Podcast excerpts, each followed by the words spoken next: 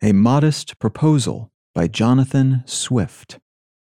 It is a melancholy object to those who walk through this great town or travel in the country when they see the streets, the roads, and cabin doors crowded with beggars of the female sex, followed by three, four, or six children, all in rags, and importuning every passenger for an alms. These mothers, instead of being able to work for their honest livelihood, are forced to employ all their time in strolling to beg sustenance for their helpless infants who, as they grow up, either turn thieves for want of work or leave their dear native country to fight for the pretender in Spain or sell themselves to the Barbados. I think it is agreed by all parties that this prodigious number of children in the arms or on the backs or at the heels of their mothers, and frequently of their fathers, is in the present deplorable state of the kingdom a very great additional grievance, and therefore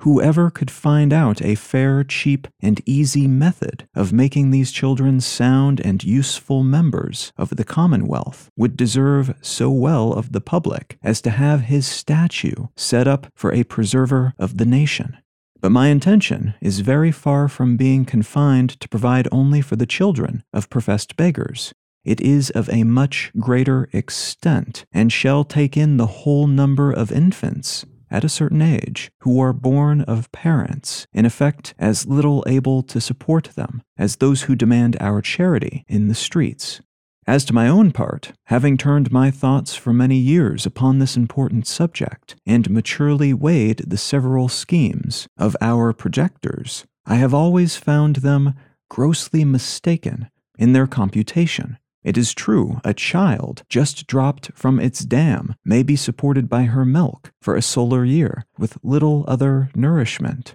at most not above the value of two shillings, which the mother may certainly get, or the value in scraps by her lawful occupation of begging and it is exactly at one year old that I propose to provide for them in such a manner as instead of being a charge upon their parents or the parish, or wanting food and raiment for the rest of their lives, they shall, on the contrary, contribute to the feeding and partly to the clothing of many thousands.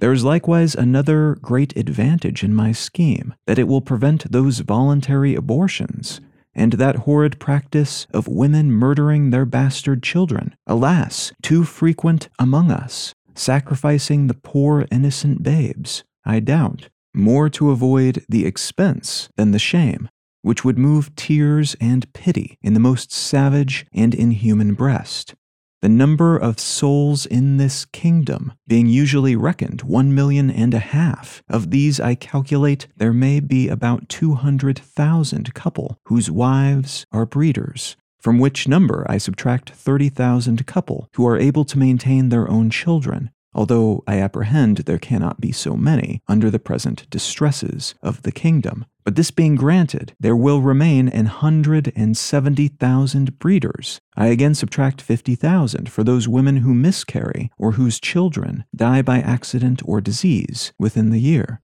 There only remain an hundred and twenty thousand children of poor parents annually born. The question, therefore, is how this number shall be reared and provided for which, as I have already said, under the present situation of affairs, is utterly impossible by all the methods hitherto proposed. For we can neither employ them in handicraft or agriculture. We neither build houses, I mean in the country, nor cultivate land. They can very seldom pick up a livelihood by stealing till they arrive at six years old, except where they are of towardly parts, although I confess they learn the rudiments much earlier, during which time they can, however, be properly looked upon only as probationers. As I've been informed by a principal gentleman in the county of Cavan, who protested to me that he never knew above one or two instances under the age of six, even in a part of the kingdom so renowned for the quickest proficiency in that art,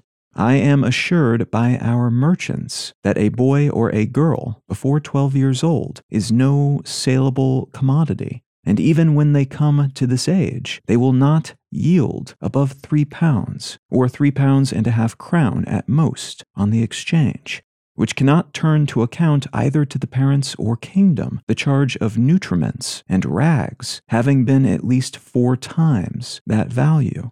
I shall now, therefore, humbly propose my own thoughts, which I hope will not be liable to the least objection. I have been assured by a very knowing American of my acquaintance in London that a young, healthy child, well nursed, is at a year old a most delicious, nourishing, and wholesome food, whether stewed, roasted, baked, or boiled, and I make no doubt that it will equally serve in a fricassee or a ragoust. I do therefore humbly offer it to public consideration that of the hundred and twenty thousand children already computed, twenty thousand may be reserved for breed, whereof only one fourth part to be males, which is more than we allow to sheep, black cattle, or swine. And my reason is that these children are seldom the fruits of marriage, a circumstance not much regarded by our savages. Therefore, one male will be sufficient to serve four females, that the remaining hundred thousand may, at a year old, be offered in sale to the persons of quality and fortune through the kingdom, always advising the mother to let them suck plentifully in the last month, so as to render them plump and fat for a good table. A child will make two dishes at an entertainment for friends, and when the family dines alone, the fore or hind quarter will make a reasonable dish, and seasoned with a little pepper or salt, will be very good boiled on the fourth day, especially in winter. I have reckoned upon a medium that a child just born will weigh twelve pounds, and in a solar year, if tolerably nursed, increaseth to twenty eight pounds, I grant this food will be somewhat dear, and therefore very proper for landlords, who, as they have already devoured most of the parents, seem to have the best title to the children. Infant's flesh will be in season throughout the year, but more plentiful in March, and a little before and after, for we are told by a grave author, an eminent French physician, that fish, being a prolific diet, there are more children born in Roman Catholic countries about nine months after Lent. The markets will be more glutted than usual because the number of popish infants is at least three to one in this kingdom, and therefore it will have one other collateral advantage by lessening the number of papists among us. I have already computed the charge of nursing a beggar's child, in which list I reckon all cottagers, laborers, and four fifths of the farmers, to be about two shillings per annum, rags included, and I believe no gentleman would repine to give ten shillings for the carcass of a good fat child, which, as I have said, will make four dishes of excellent nutritive meat when he hath only some particular friend or his own family to dine with him. Thus the squire will learn to be a good landlord and grow popular among his tenants. The mother will have eight shillings neat profit and be fit for work till she produces another child. Those who are more thrifty, as I must confess the times require, may flee the carcass, the skin of which, artificially dressed, will make admirable gloves for ladies and summer boots for fine gentlemen. As to our city of Dublin, Shambles may be appointed for this purpose in the most convenient parts of it, and butchers, we may be assured, will not be wanting, although I rather recommend buying the children alive and dressing them hot from the knife, as we do roasting pigs. A very worthy person, a true lover of his country, and whose virtues I highly esteem, was lately pleased, in discoursing on this matter, to offer a refinement upon my scheme he said that many gentlemen of this kingdom, having of late destroyed their deer,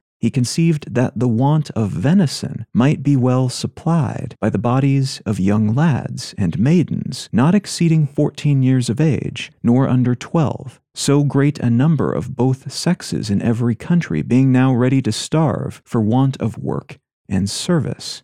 and these to be disposed of by their parents if alive, or otherwise by their nearest relations, but with due deference to so excellent a friend and so deserving a patriot I cannot be altogether in his sentiments, for as to the males, my American acquaintance assured me from frequent experience that their flesh was generally tough and lean, like that of our schoolboys, by continual exercise, and their taste disagreeable, and to fatten them would not answer the charge. Then, as to the females, it would, I think, with humble submission, be a loss to the public, because they soon would become breeders themselves. And besides, it is not improbable that some scrupulous people might be apt to censure such a practice, although indeed very unjustly, as a little bordering upon cruelty, which I confess hath always been with me the strongest objection against any project, how well soever intended. But in order to justify, my friend, he confessed that this expedient was put into his head by the famous Psalmanazar, a native of the island Formosa, who came from thence to London above twenty years ago, and in conversation told my friend that in his country, when any young person happened to be put to death, the executioner sold the carcass to persons of quality as a prime dainty and that in his time, the body of a plump girl of 15 who was crucified for an attempt to poison the emperor was sold to his imperial majesty's prime minister of state and other great mandarins of the court in joints from the gibbet at 400 crowns. Neither, indeed, can I deny that if the same use were made of several plump young girls in this town, who without one single groat to their fortunes cannot stir abroad without a chair, and appear at a playhouse and assemblies in foreign fineries which they never will pay for,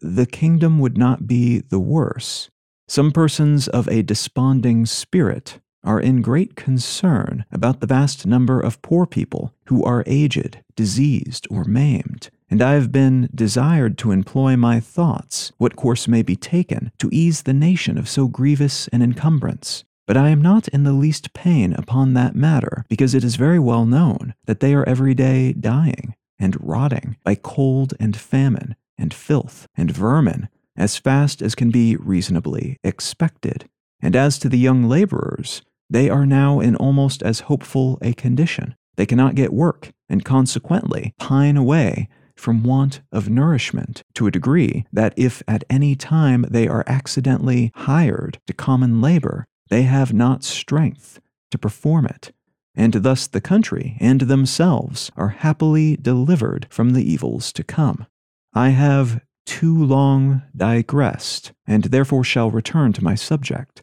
I think the advantages by the proposal which I have made are obvious and many, as well of as well as of the highest importance. For, first, as I have already observed, it would greatly lessen the number of papists with whom we are yearly overrun, being the principal breeders of the nation, as well as our most dangerous enemies, and who stay at home on purpose with a design to deliver the kingdom to the pretender, hoping to take their advantage by the absence of so many good Protestants who have chosen rather to leave their country than stay at home and pay tithes against their conscience to an episcopal curate. Second, the poorer tenants will have something valuable of their own, which by law may be made liable to a distress and help to pay their landlord's rent, their corn and cattle already being seized, and money a thing unknown. Thirdly, whereas the maintenance of an hundred thousand children from two years old and upwards cannot be computed at less than ten shillings apiece per annum, the nation's stock will be thereby increased fifty thousand pounds per annum, besides the profit of a new dish introduced to the tables of all gentlemen of fortune in the kingdom who have any refinement in taste, and the money will circulate among ourselves, the goods being entirely of our own growth and manufacture. Fourthly, the constant breeders, besides the gain of eight shillings sterling per annum by the sale of their children, will be rid of the charge of maintaining them after the first year. Fifthly, this food would likewise bring great custom to taverns, where the vintners will certainly be so prudent as to procure the best recipes for dressing it to perfection, and consequently have their houses frequented by all the fine gentlemen, who justly value themselves upon their knowledge in good eating, and a skilful cook, who understands how to oblige his guests, will contrive to make it as expensive as they please. Sixthly, this would be a great inducement to marriage, which all wise nations have either encouraged by rewards or enforced by laws and penalties. It would increase the care and tenderness of mothers toward their children when they were sure of a settlement for life to the poor babes, provided in some sort by the public to their annual profit instead of expense. We should soon see an honest emulation among the married women, which of them could bring the fattest child to the market. Men would become as fond of their wives during the time of their pregnancy as they are now of their mares in foal, their cows in calf, or sow when they are ready to farrow, nor offer to beat or kick them, as is too frequent a practice, for fear of a miscarriage. Many other advantages might be enumerated. For instance, the addition of some thousand carcasses in our exportation of barreled beef, the propagation of swine's flesh, and improvement in the art of making good bacon, so much wanted among us by the great destruction of pigs, too frequent at our tables, which are no way comparable in taste or magnificence to a well grown, fat, yearly child, which roasted whole will make a considerable figure at a Lord Mayor's feast or any other public entertainment. But this and many others I omit, being studious of brevity. Supposing that 1,000 families in this city would be constant customers for infant's flesh, besides others who might have it at merry meetings, particularly at weddings and christenings, I compute that Dublin would take off annually about 20,000 carcasses, and the rest of the kingdom, where probably they will be sold somewhat cheaper, the remaining 80,000. I can think of no one objection that will possibly be raised against this proposal, unless it should be urged that the number of people will be thereby much lessened in the kingdom. This I freely own, and 'twas indeed one principal design in offering it to the world. I desire the reader will observe that I calculate my remedy for this one individual kingdom of Ireland, and for no other that ever was, is, or I think, ever can be upon earth. Therefore, let no man talk to me of other expedients, of taxing our absentees at five shillings a pound, of using neither clothes nor household furniture except what is of our own growth and manufacture,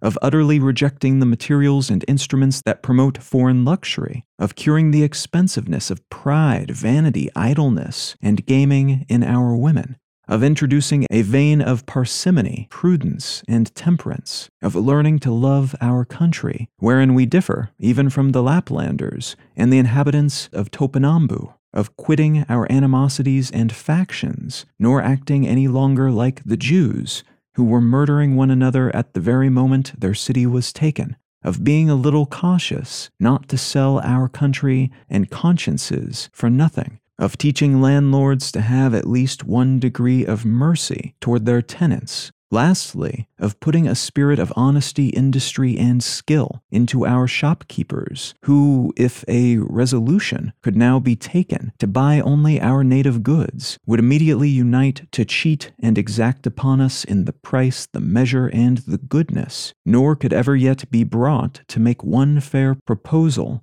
of just dealing, though often and earnestly invited to it. Therefore I repeat, let no man talk to me of these and the like expedients till he hath at least some glimpse of hope that there will ever be some hearty and sincere attempt to put them into practice.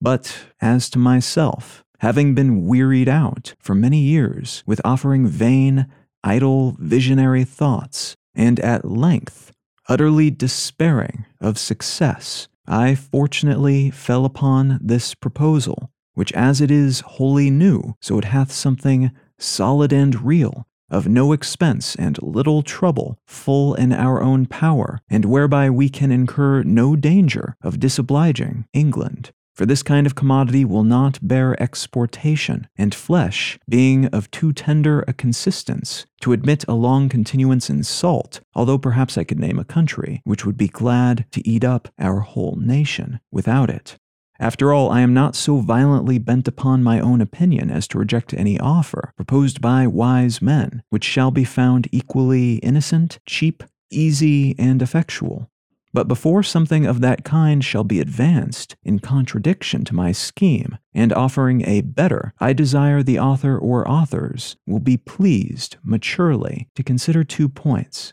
First, as things now stand, how they will be able to find food and raiment for a hundred thousand useless mouths and backs. And secondly, there being a round million of creatures in humane figure throughout this kingdom, whose whole subsistence put into a common stock would leave them in debt two million pounds sterling, adding those who are beggars by profession to the bulk of farmers, cottagers, and laborers, with their wives and children, who are beggars in effect. I desire those politicians who dislike my overture and may perhaps be so bold to attempt an answer that they will first ask the parents of these mortals whether they would not at this day think it a great happiness to have been sold for food at a year old in the manner I prescribe, and thereby have avoided such a perpetual scene of misfortunes as they have since gone through by the oppression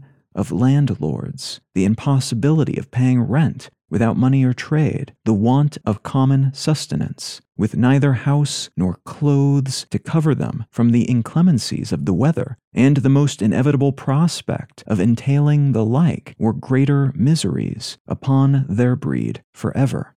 I profess, in the sincerity of my heart, that I have not the least personal interest in endeavoring to promote this necessary work, having no other motive than the public good of my country by advancing our trade, providing for infants, relieving the poor, and giving some pleasure to the rich.